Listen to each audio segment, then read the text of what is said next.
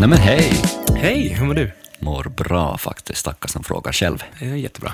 Härligt. Ni ska vara varmt välkomna till eh, podcasten Jobbar på en dröm med mig, Joel och Oskar. Ehm, ja, vi gör den här podcasten tillsammans med Musik och Talang. Just det, precis. En eh, festival och kongress i Vasa den 24-25 september 2021. Exakt. Med största sannolikhet den bästa finlandssvenska musikkongressen som ordnas i Troligtvis. september. Och ja, Ja, hoppas ni alla är, som eller så många som möjligt är på väg till den kongressen. ses vi där. Det hoppas jag verkligen. Ja. Hoppas jag verkligen. Ja, dagens avsnitt. Yes. Vem har vi i studion? Eh, idag ska vi träffa en kille som heter Anton Maddock. Mhm. Vad gör Anton? Anton är A&R på ett distributionsbolag och skivbolag som heter Amuse. Just det. Spännande. Men då hoppas vi att han kommer med något, någonting vettigt helt enkelt. Ja, men jag tror att det är bra för de som släpper musik själva, kanske i början på sin karriär, för att man får släppa hur man vill tror jag på Amuse, men det får han berätta mer om. Mm, exakt. Men då rullar vi bandet helt Nu enkelt. Hej, hej. Ha det bra. Hej. Välkommen till eh, podden, Anton. Tusen tack. Vi tänkte att vi ska prata om lite drömmar, inspiration, tips och tricks i musikbranschen. All right. Hur mår du idag? Eh, Jag mår bra. Det här blev en trevlig anledning till att eh, åka hemifrån med tanke på att man har spenderat hela senaste året vid köksbordet och jobbat därifrån. Just det. Så att eh, komma hit och träffa er, supertrevligt. Vi har tänkt att vi ska börja den här podden med fem snabba frågor bara för att komma igång lite. Japp, Och för att du ska känna dig varm i kläderna, även om det är otroligt varmt här i kontrollrummet var vi sitter nu. jag är redo. Är du redo? Eh, namn, fullständigt namn. Anton Jonathan Maddock. Ålder? Är precis fyllda 30. Och bor i... Jag bor i Sollentuna, strax utanför Stockholm. Just det, Stark eh, Sollentuna-patriot, just det, vi pratade om det. Sollentunas fotbollslag. som jag inte kunde komma på vad det hette. Ja, just det. Yrke? Eh, Jag jobbar idag som A&R och projektledare på Amuse. Och så sista frågan, den väldigt viktiga frågan. Favorit gitarrsolo? Oh, oh herregud vilken svår fråga. Den är svår. Eh, men ett gäng, jag kan, jag kan bara droppa lite favoriter. Ja. Eftersom att jag har under min eh, uppväxt nördat så otroligt mycket gitarrmusik så är det svårt att pick one. Men eh, gitarrister som inspirerat mig väldigt mycket är ju gitarrister som Paul Gilbert, Eric Johnson, Jimi Hendrix såklart, som kanske fick mig att börja spela från första början. Mycket blues, rock, klassisk rock och metal. I princip alla, alla typiska gitarrhjältar har jag liksom betat mig igenom. All right. Spännande. Kul ju. Så du är, det är gitarren som är Drev dig till vansinnet. Nej, drev dig till musiken. Det är absolut gitarren som drev mig till vansinne. eh, nej men eh, under, man är väl som mest formbar rent musiksmaksmässigt liksom i eh, tonåren. Och eh, under mina tonår så lyssnade jag absolut mest på klassisk rock, hårdrock, metal och inte så mycket annat. Så väldigt eh, gitarrdrivet. Var- Det var också i Sollentuna, var är du uppvuxen någonstans? Du är Eh. stockholmare. Man ser på dig. Vi, vi kommer tillbaka till det här med Sollentuna. Eh, Jag har bott i 30 år i Sollentuna, fast på olika platser. Så att jag har flyttat runt flera gånger och eh, ja, det är där jag bor och har bott. Born and raised. Jag var otrogen i en månad och bodde i Akalla, never going back. Du trivs? Det gör jag. Varför? Det är ju, Sälj in det till de som aldrig varit i... Jag har varit där två gånger i mitt liv tror jag. nej men det är ju roligt för att jag, jag vill ju tycka att jag är lite världsvan och jag tycker att jag har rest mycket och jag tycker att jag har sett världen. Men ändå så kommer man tillbaka till att jag har alltid bott i Sollentuna. Så att eh, någon gång i livet så måste jag ju kunna claima att jag bott någon annanstans. Vi får se när det blir. Upplands Väsby. Eh, ja, Lapplands Väsby, det ligger väldigt långt bort. Tyck, tyckte man när man var liten i alla fall. Vad- men du sa att du började spela gitarr. Var det det liksom som fick dig att börja med musik, eller tänka dig en karriär inom musik? Ja, det här att veta vad man vill jobba med är ju liksom, det är inte det lättaste. Eh, och jag, hade, jag fick ju liksom igång ett riktigt eh, rejält nördigt musikintresse liksom i tonåren av att spela jättemycket gitarr och kände väl att det var det enda det var det enda roliga i livet. Liksom. Sen så hade jag väl lite tankar på att bli... En en gammal dröm var väl någon slags studiomusiker snarare än att eh, vara med i något stökigt eh, band som flög runt eh, i världen. Du ville bli Steve Lukather liksom? Han fick väl båda. Ja, Precis, just som att han inte har flugit runt den här planeten i 40 år med Toto. Nej, men, eh, så att jag, har gjort, jag har gjort lite allt möjligt kreativt, liksom jobbmässigt. Dels har jag länge hållit på med foto och film. Jag började fota lite artister, jag började göra musikvideos till olika artister. Vilket ledde till det ena och det andra och plötsligt så fick någon reda på att jag spelar gitarr och så började jag spela gitarr på ett par låtar och så blev det liksom, det blev bara fler och fler tillfälligheter att, eh, att antingen fota och filma en artist eller spela in musik eller hjälpa till och skriva någonting och liknande. Eh, så samtidigt som jag hade ett ganska, ett säljjobb för Canon som jag håller på med foto och film så vid sidan om det så var jag väldigt aktiv själv och spelade och gjorde liksom vid sidan om Canon-jobbet, foto och filmuppdrag. Så att jag gjorde mycket kreativa grejer och hade liksom närmat mig musikvärlden på ett eh, yrkesmässigt plan också. När jag träffade en person som heter Michelle Kadir som jobbar på Sony Music. Och hon berättade att de sökte en account manager på Sony och det var en account manager-tjänst jag hade för Canon. Hur gammal Som, var du då? Eh, 24 tror jag. Mm. Så att jag jobbade då till vardags med liksom partnerskap och sälj, fast i en annan bransch. Och Sony behövde en account manager som skulle jobba med liksom partnerskap mot streamingplattformar. Och eh, ni kan ju föreställa er själva att det lät mycket roligare i min värld att Ja. jobba på ett musikbolag än att göra det för ett fotobolag. Även om det också var en stor privat eh, hobby. Eh, och efter att ha dels besökt Sony-kontoret och träffat folk som jobbar där så uppdagades det som drömmarnas arbetsplats. Jag hade liksom inte kunnat föreställa mig någon bättre plats att eh, jobba på. Vad var det som drog dig till den grejen då? Allt från liksom klimat, kultur, människor, bemötande av att komma dit. Jag hade aldrig haft, jag har liksom tidigare inte känt någon som har jobbat på ett musikbolag. Jag har vetat ganska lite om det, vad som hände bakom kulisserna på ett skivbolag innan dess. Och sättet jag blev välkomnad på Sony av alla som jobbade där var helt överväldigande. Och eh, jag blev bara så otroligt sugen på att, på att byta bana och eh, ge mig fan på att eh, bli bäst på det jag skulle göra där. Eftersom jag kom från en annan bransch men de ändå såg någonting i mig som de trodde skulle passa den här rollen att liksom föra partnerskapet mellan Sonys eh, roster av artister och releaser mot de olika streamingplattformarna. Så var tanken att jag skulle komma in i en junior account manager-tjänst och eh, gå sida vid sida med en annan person. Få höra på min första dag på Sony att den här andra personen ska byta till ett annat musikbolag om Oj. två veckor. Eh, och att jag nu kommer få axla en, en senior titel och sköta det helt själv. Så där var det en blandad känsla av att dels ett, kul att få en ännu större roll, men också livrädsla över att inte leverera. Nej, det. är ett ganska, alltså Sony är ju ett av de stora skivbolagen. Så jag tänker att det är ganska stora grejer, alltså att det blir väldigt mycket ansvar. Oh ja, så att mitt första halvår av provanställning, det var en kombination av någon slags livrädsla och katastroftänk av att, att inte få jobba kvar där för att jag var så, så taggad och gillade det så mycket. Samtidigt som jag bara försökte som en svamp suga in kunskap av varenda människa som jobbar där och är jag jag har nog aldrig lärt mig så mycket information inom så många områden på så kort tid. Eh, och jag är en person som är väldigt nyfiken överlag. Eh, nyfiken på andra människor och olika områden i musikbranschen också såklart. Så eh, ja, jag vill bara lära mig hur allting fungerar. Och vad lär du dig? Eller vad var, du jobbar mot streamingtjänster, men vad innebar det mer i praktiken? Så det, det liksom veckomässiga uppdraget var ju att dels se till så att Spotify främst, men också Apple och övriga streamingplattformar som är lite mindre i Sverige, eh, att presentera Sonys viktigaste pri- eh, prioriteter för dem eh, och egentligen maximera exponering i liksom Spotifys digitala skyltfönster av olika ytor där man kan få in sina artister att synas på och såklart spellistadderingar och eh, ibland när det är större artister och större releaser även lite mer långsiktiga samarbeten över tid. Och, eh, Så hur gör man det här? Det här är ju intressant för Ja. alla, som, alla vill ju vara på Spotify. Ja.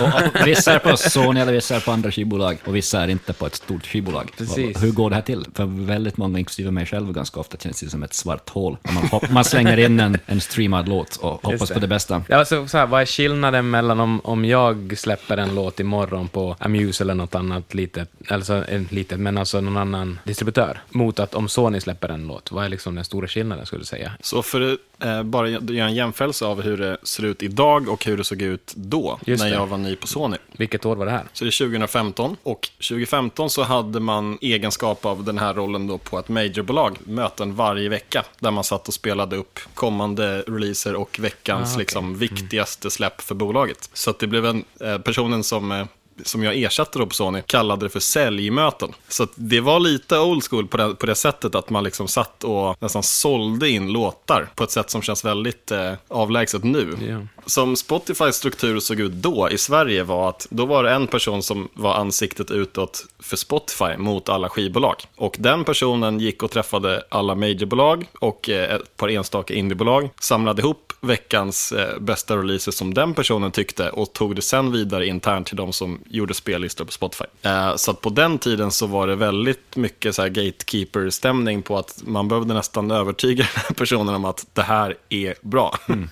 just det. Och det som har hänt ja, under de senaste åren är ju att Spotify har ju byggt massa verktyg för att, för att underlätta för vem som helst att kunna bli upplockad av dem. Så att nu så är det mer, mer på det viset att Spotify vill att hela branschen ska pitcha ny musik genom deras eh, pitchverktyg som de har byggt genom Spotify for Artists. Som vem som helst kommer åt egentligen. Som vem som helst kommer åt. Även liksom de största artisterna tillsammans med dagens debutanter pitchar på samma sätt där. Men de stora skivbolagen har fortfarande liksom en, en enklare väg in att kunna highlighta saker i förtid eller skicka över mer information kring releaser eller hitta på övriga saker tillsammans med Spotify och de andra streamingplattformarna. Så att det, är fortfarande ett, eh, det finns fortfarande en fördel att ha ett större team kring sig än att göra det helt själv. Så det är det som är liksom, om man tänker från artistperspektiv eller låtskrivarperspektiv, den stora skillnaden är att man har, om man är signad på Sony då till exempel, så har man ett stort team som jobbar för en. Så att i princip så skulle jag kunna släppa mina låtar på Amuse eller någon annan sån plattform och anställa en marknadsförare eller anställa en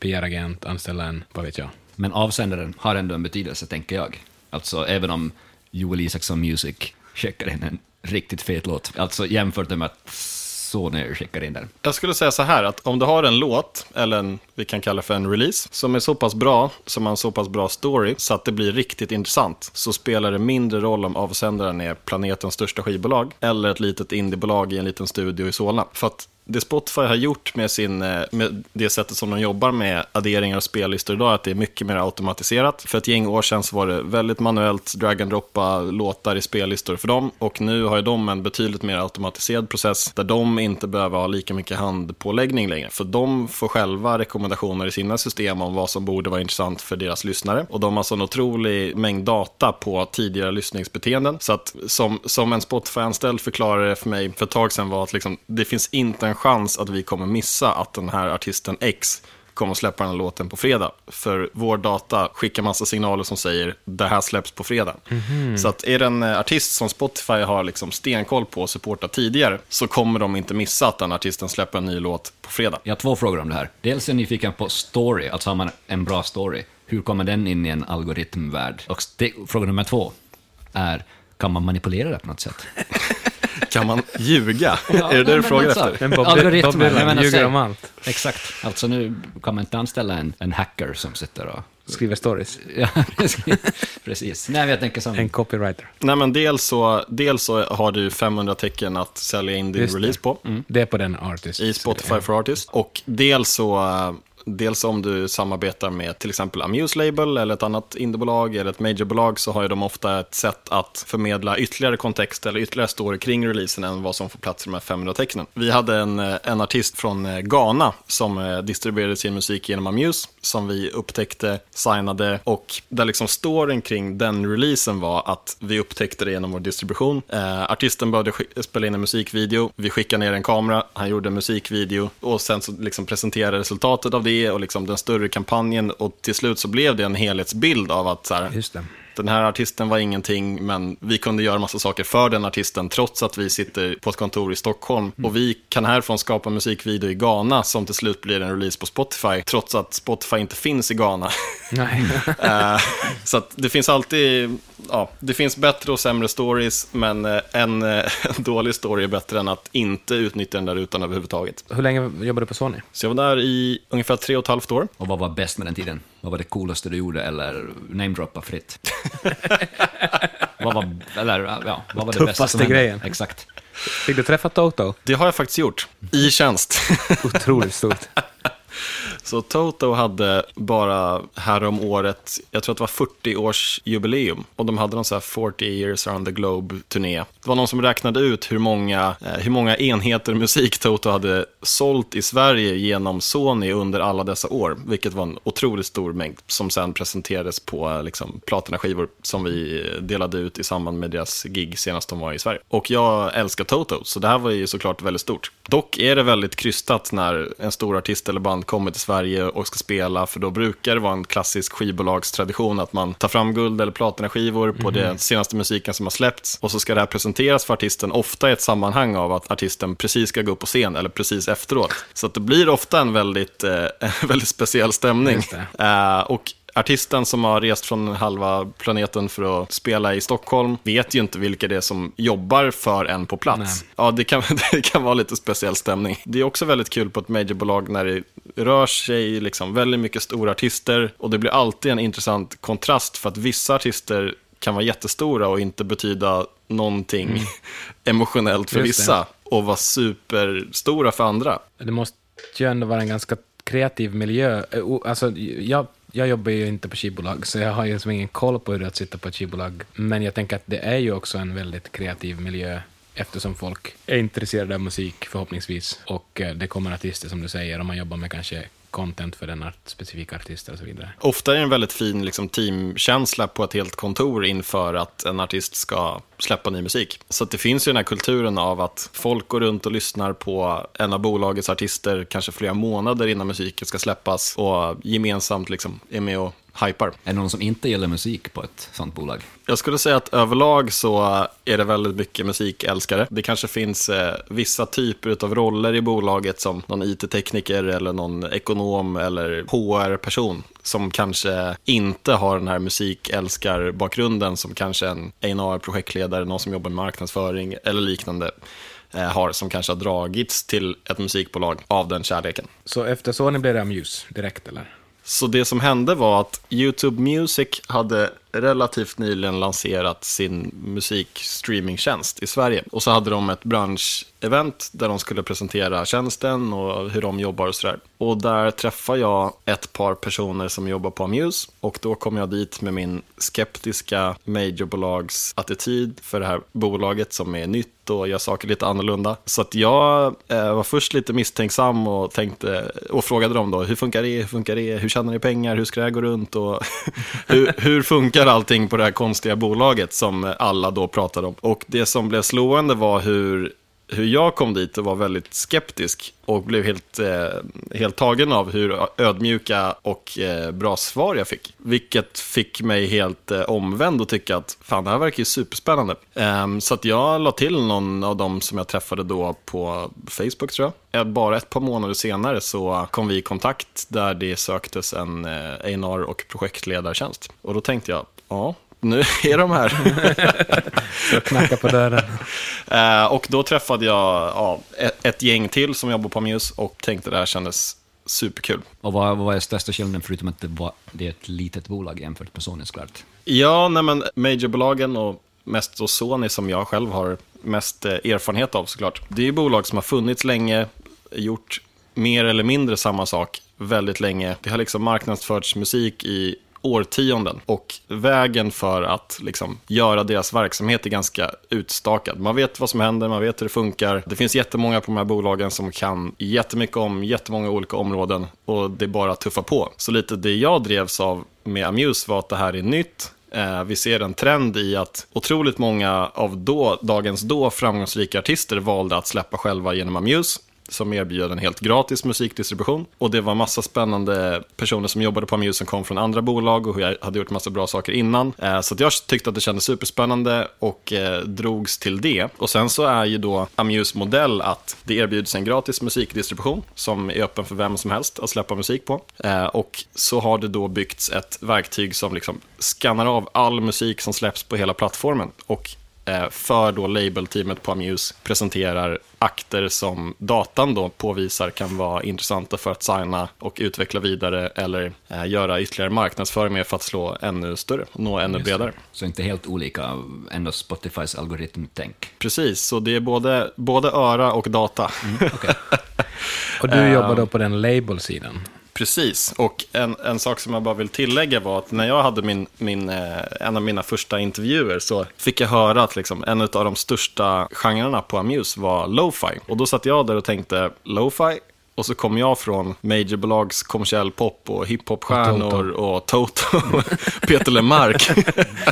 Och så hör jag en av våra en av våra största genrer just nu är lo-fi. Då känner jag bara, okej, det här är så mycket nytt. Och då, då kände jag liksom nytändning i det här, nyfikna av att, wow, hur funkar det? Vad är ens lo-fi?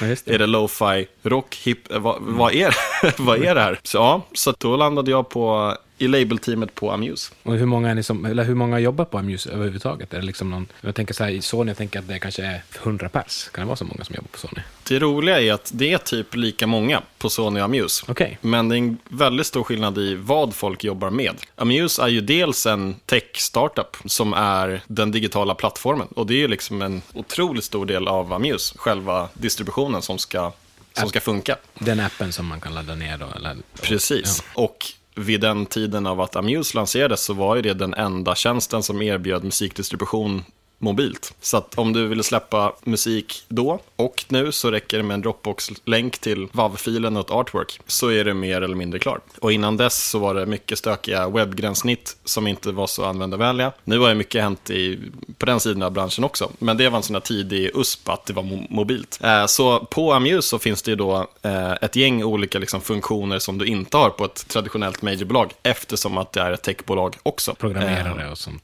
Eller vad? till exempel. Det utvecklar supportfunktioner ehm, samtidigt som eh, vi då också har ett skivbolag i det här som är då Amuse Label Team. Och jag tror att både Sony och Amuse i Stockholm då är, ligger på 70 ungefär personer. Vad är liksom din målsättning med ditt jobb? Ska vi, målsättning till att börja med, med att jobba på Muse som det är, eller som ditt jobb du gör idag, men kanske framåt också i karriären. Vad tänker du att du ska göra längre fram, om du har någon sån mål? Så att min drivkraft är att eh, göra bra saker i de artistprojekten som jag jobbar i. Så det jag brinner för egentligen är att eh, göra skillnad och skapa så goda förutsättningar som möjligt för de artisterna som jag jobbar med att egentligen nå deras drömmar, vad nu det må vara. Och där ser det ju väldigt olika ut. Vissa artister vill bli störst i världen, andra vill bli störst i Turkiet, andra har en dröm om att samarbeta med en specifik artist eller låtskrivare eller producent. Um, så att där kommer jag in liksom som projektledare och eh, kreativt bollplank och försöker navigera de artisterna jag jobbar med visioner och drömmar. Så att det är liksom där, där jag är nu så brinner jag mest för att bara göra bra saker för dem jag jobbar med. Så att jag har liksom ingen vision om att jag ska vara vd, driva eget bolag, göra ditten och datten. I dagsläget i alla fall. Om man tänker att nu är det måndag idag då, vad, vad gör man på en måndag på Muse som Anton? På måndag, då catchar man upp med mail som har kommit fredag natt från USA. Okej.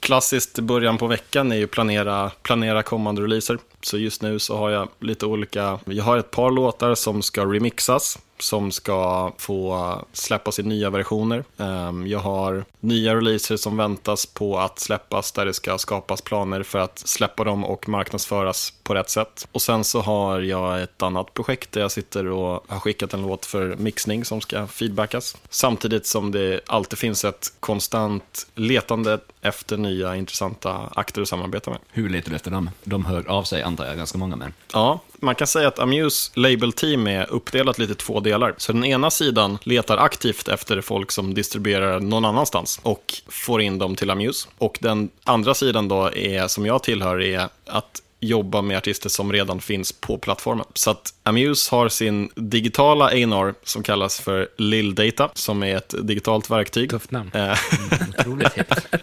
Är det ditt, var det ditt förslag eller?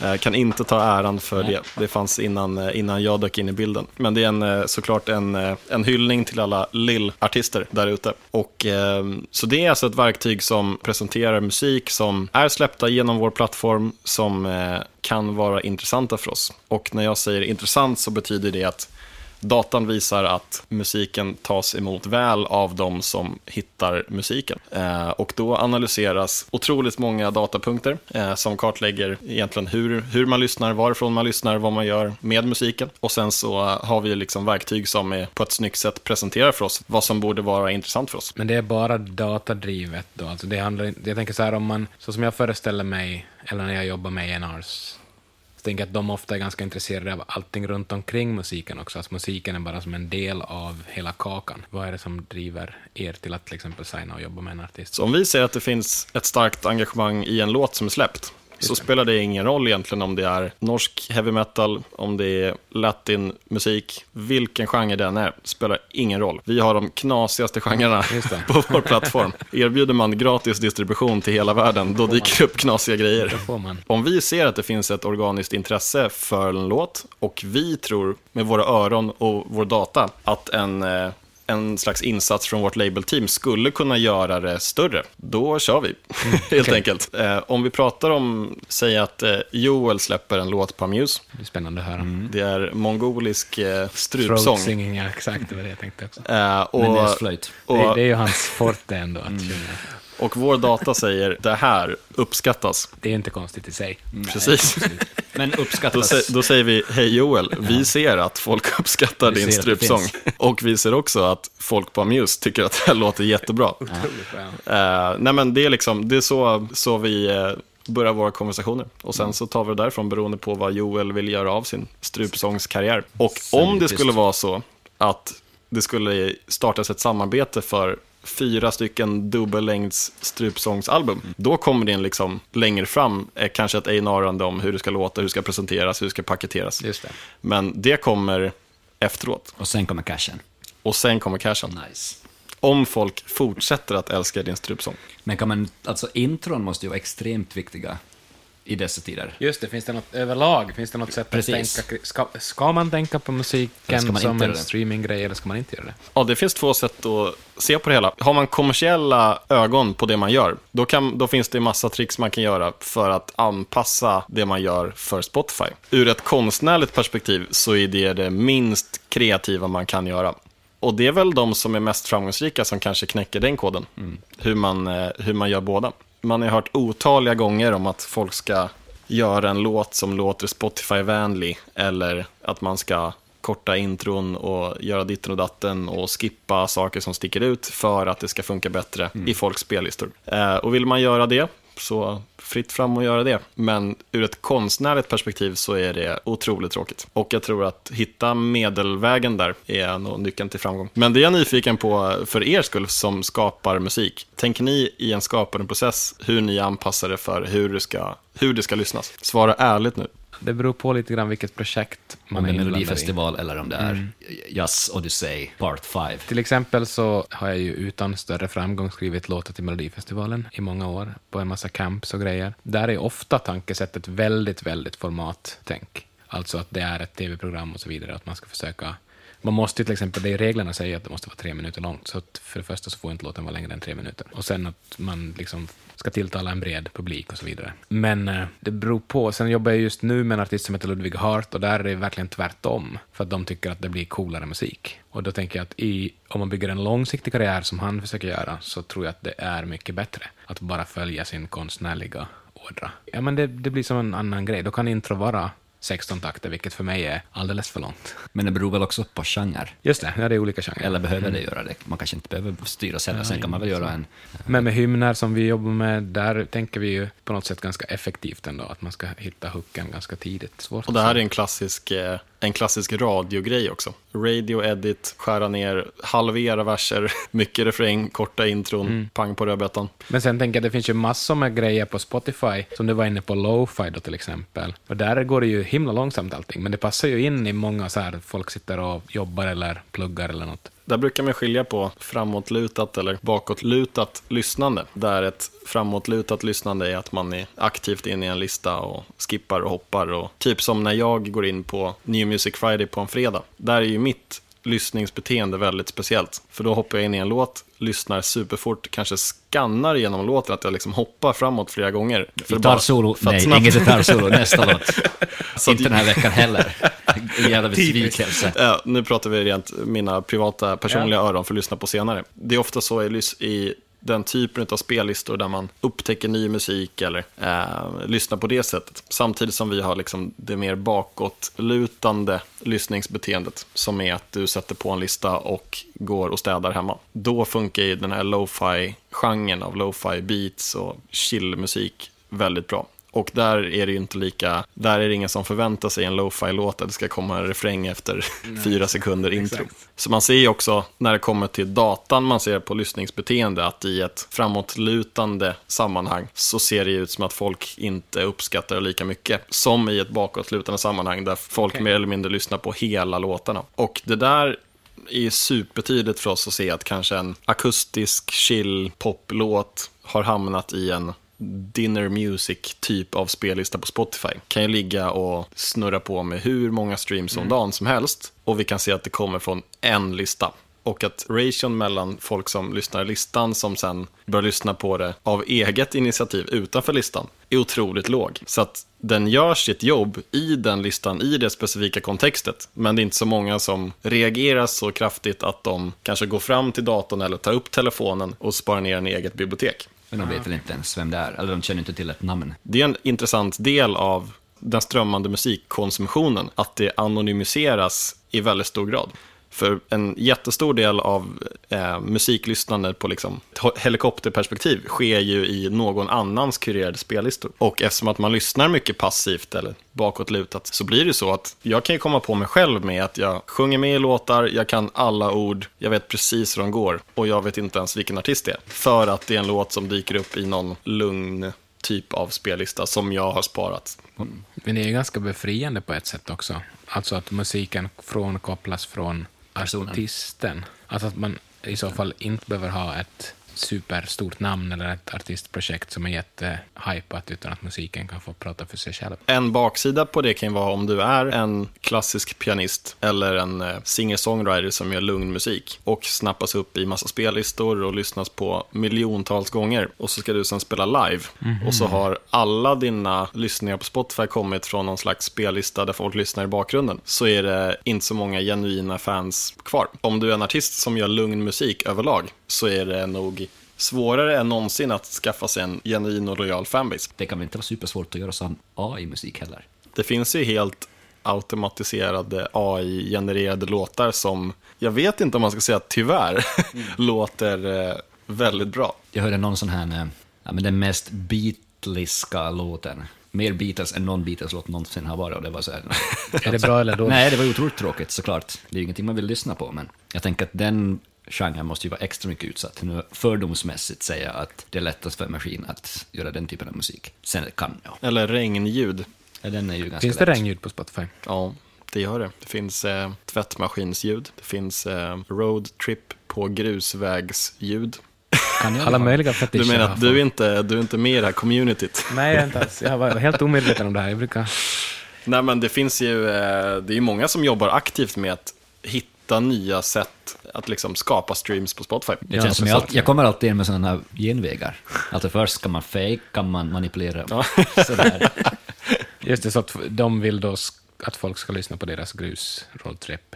Nej, men det finns ju liksom, eh, vissa eh, läser och pluggar till white noise för att det blockerar ut bakgrundsljud Oj, och de koncentrerar mycket bättre då. Vissa lyssnar på mongolisk strupsång när de pluggar och läser. Tvättmaskinsljud och baksätet på en bil på en landsväg ljud eh, är ljud som många tycker är avslappnande och kanske lyssnar på när man sover eller ja, it's a thing. Det som är intressant tycker jag är att Spotify i så fall blir inte bara en musikplattform utan en ljudplattform. Alltså det finns också podcast såklart, men, men just då mongolisk throat singing och eh, grusvägsljud. Ja, man ser väldigt tydligt nu att Spotify är ju mer och mer måna om att du aldrig ska lämna appen. Eftersom att de utvecklar den konstant och det kommer fler och fler funktioner. Och det är ett otroligt stort podcastfokus nu där det till och med i vissa sammanhang blandas podd och musik i samma spellistor. Jag såg ganska nyligen en, en spellista som var, jag tror att det var ett slags morning commute typ av koncept. Där eh, man får lite kortare nyhets poddinslag mellan låtarna som jag tycker är superintressant. Och jag tycker att Spotify överlag gör väldigt mycket bra saker. Så om vi kan inkorporera lite strupsång i vår podcast så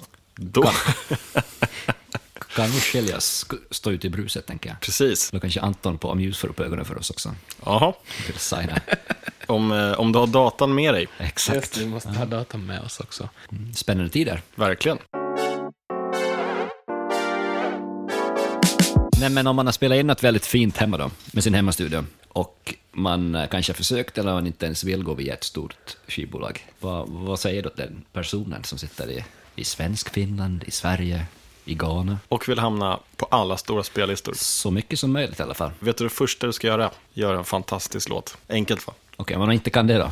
Nej men eh, i slutändan så handlar allting om att du gör en, en låt som är bra, som Spotify kom att tänka att det här vill vi supporta. Och du når Spotify genom att använda deras egna pitchverktyg, genom Spotify for Artists, som alla artister kan ansöka om access till. Och från att vi har gått till att de stora skivbolagen har suttit med veckomöten och sålt in sina låtar, till att det nu finns ett verktyg som är öppet för alla artister i hela världen att pitcha sin musik direkt till redaktörerna. Det är en utveckling som gör att det blir otroligt mycket mer demokratiserat i vilka som når Spotifys redaktörer och inte. Så nu kanske du inte behöver träffa den utsände från Spotify och sälja din musik, utan du kan genom det här verktyget se till så att musiken med sina genretaggningar, med den säljande texten, eller den där rutan där du kan berätta din story, vem du är, vad du gjort innan, vad du ska släppa framöver, vad du ska göra kring den här releasen på 500 tecken.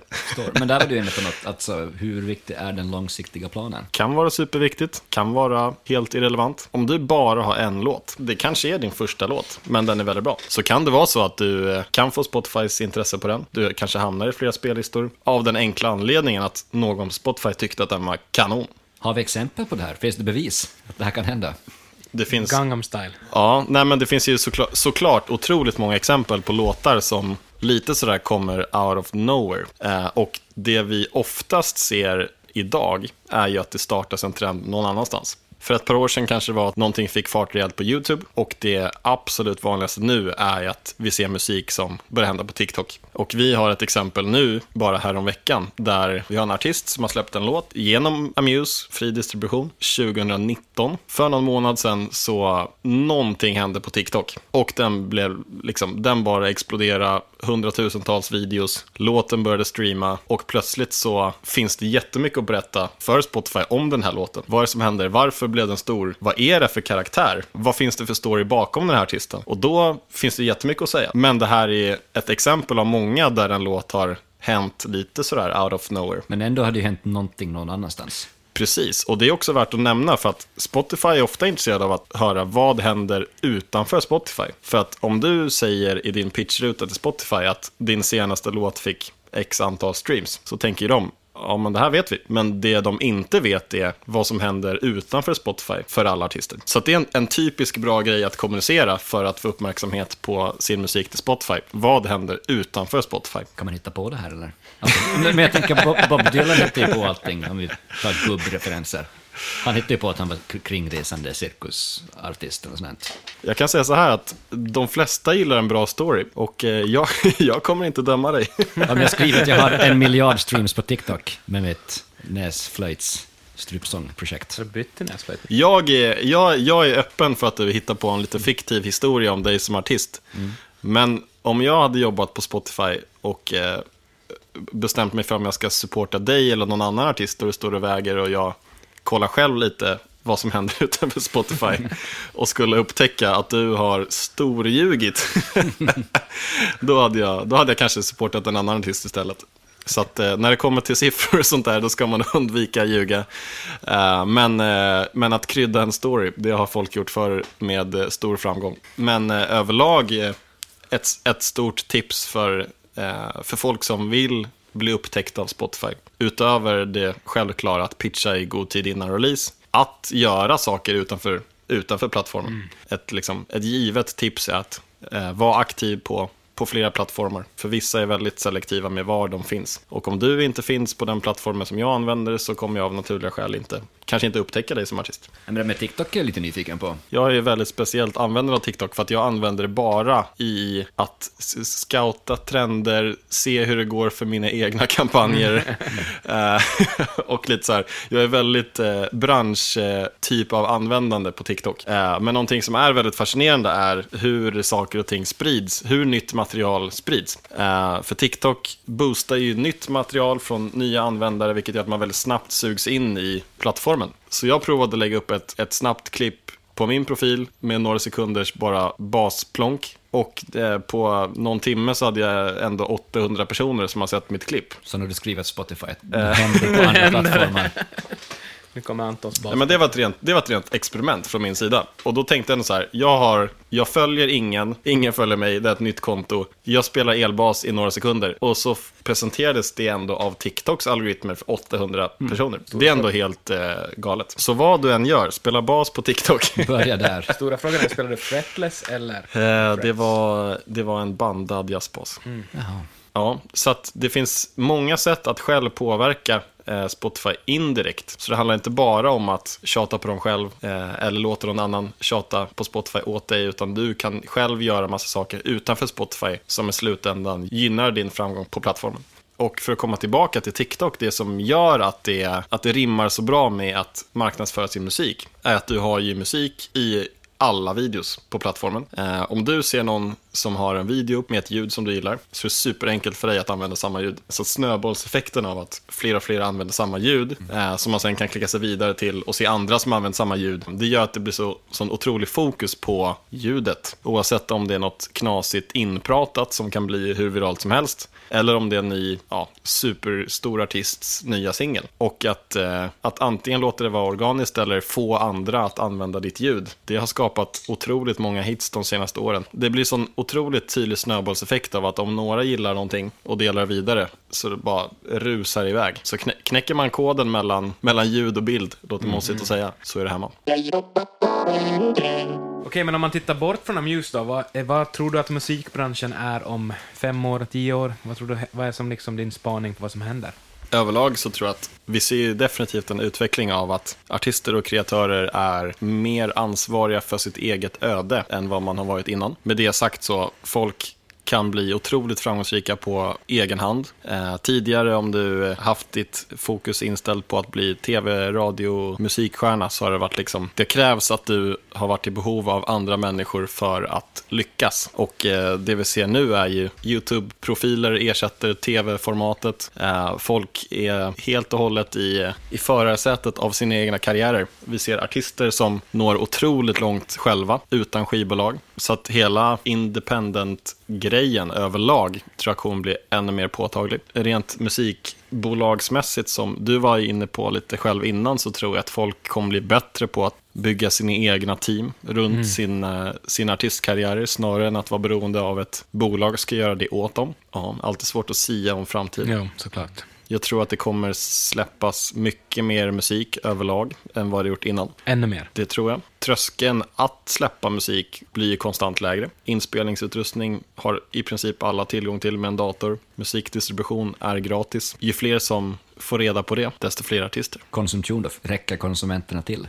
Den klassiskt stora utmaningen är att nå igenom bruset, att vara utstickande, att vara intressant. Varför ska jag lyssna på din strupsång när det finns x antal tusen miljoner artister som gör liknande? Konceptet av att hitta sin grej som är tydlig och unik, det är en, en utmaning som kommer med att fler och fler släpper. När jag tittar på artister och, och liksom musikbranschen känns det som att ofta så är en artist inte bara släpper musik, alltså att de också gör en massa andra grejer. Till exempel att de är stora på Instagram eller YouTube eller stora på, har en tv-serie, whatever. Så att de på något sätt koppla på flera grejer för att sälja sin musik också. Musiken är bara en del av det. Jag tror att det samhälleliga klimatet eh, av att vara offentlig är väldigt annorlunda idag mot hur det var förr. Eh, om du var med i Melodifestivalen på 90-talet, då var du sen Melodifestivalen Oscar. Eller om du var med i Idol på början på 00-talet så blev du Idol-Oscar om du var med där. Idag händer det så mycket, du har så många kontaktytor i olika sociala medieplattformar så att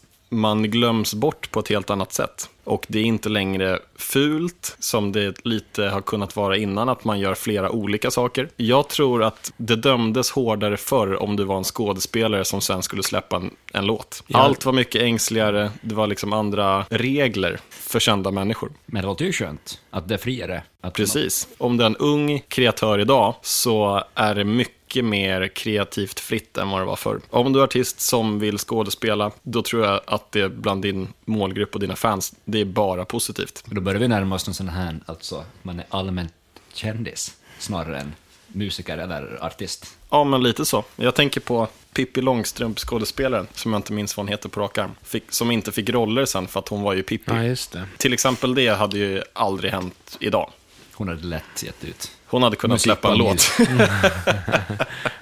Bert-Åke Vargs vårt Ja. efter Rederiet, tänker jag. Nej, men jag, jag minns bara ganska nyliga exempel hur, hur, hur det har pratats om att tvätta bort en idolstämpel. Och det snack som jag inte alls känner igen nu i modern tid. Och jag tycker det är djupt positivt. Är liksom artisten eller konstnären 2.0 då någon som är väldigt offentlig? Var finns den skygga konstnären i så fall i det Ja, det är väl det bakåtlutade. Jag tänker Ulf Lundell. Jag tänker att alla kommer alltid dras åt olika saker. Folk är intresserade av olika, att ta del av olika berättelser. Folk gillar olika kreativa uttrycksformer. Vissa kommer dras till det mystiska, andra kommer dras till det ultraoffentliga. Det finns ju en en stor törst av att följa allting som händer i en kändis liv. Där vissa artister eller skådespelare passar perfekt in i det formatet och har en stor publik där. Samtidigt som det finns andra artister som gör det exakt motsatta. Det finns artister utan sociala medier. Då får man verkligen tänka om hur, hur man når ut.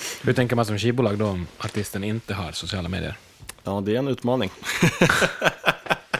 Inte Även om det kan, alltså artisten kanske är ointresserad av det, men så kan väl också artisten intala sig att det skapar någon typ av mystik. Eller ett socialt medieflöde som bara inte är något. Om man ska välja antingen eller. Ja, det är verkligen det givna sättet att nå ut. Så att även om man har en artistisk eh, stil som är att man är privat, man delar inte med sig av så mycket till sina fans eller omgivning, så behöver man ett sätt att kommunicera. Om du har någon slags eh, vision av att nå ut med din musik. Jag tänker förr så sa man väl att man kommunicerar med musiken. Om man tänker så här Led Zeppelin, de var inte så intresserade av att göra intervjuer eller singlar eller något. De ville ju bara kommunicera med sin musik. På den tiden så var det så otroligt mycket färre som släppte musik. Just det. Och är man Led Zeppelin bra och inte har sociala medier i, ett, i en 2021-förpackning så tror jag att det kommer funka ändå. Eh, men det är så här, man blir alltid konstant glatt överraskad när det kommer en artist som bryter alla regler och gör någonting oväntat och slår igenom ändå. Eh, jag tänker främst kanske musikaliskt. Säg till exempel en Billie Eilish. Billie Eilish första musik, eller kommande släpp också för den delen. Hade man spelat upp det för en skivbolags A&R på 90-talet och fått en kommentar på det så tror jag inte att det hade lett till en signing. För att det är, relativt okonventionellt till hur det låter. Men i det större kontextet av henne som kreatör, hennes story och bara helhetsbilden av hennes artistiska uttryck så blir det en fullträff. Det blir ju också på något sätt lite cykliskt, tänker jag. Alltså att hon är ju Kurt Cobain. Vad Kurt Cobain var när det var stora hår och Yngwie Malmsteen. Han kommer med en socka på huvudet och säger att jag ska spela med fem strängar på gitarren och, och vara svår. Motpolen. Motpol, ja. Precis. Ja, från superväl polerat, producerat, kommersiellt pop till spela in under täcket med brorsan som producent. Och så låter det ändå kanon, men... Men soundet är ändå något helt unikt, tycker jag. Jo, men jag tycker också väldigt mycket om Ja, det. framförallt tyckte man ju det då när det kom. Och sen blev, den här, själv. sen blev den här okonventionella ljudbilden världens största artist. Och det är det här jag menar med att när det kommer någon som är någonting helt annat, som sen funkar, så blir man ju lycklig.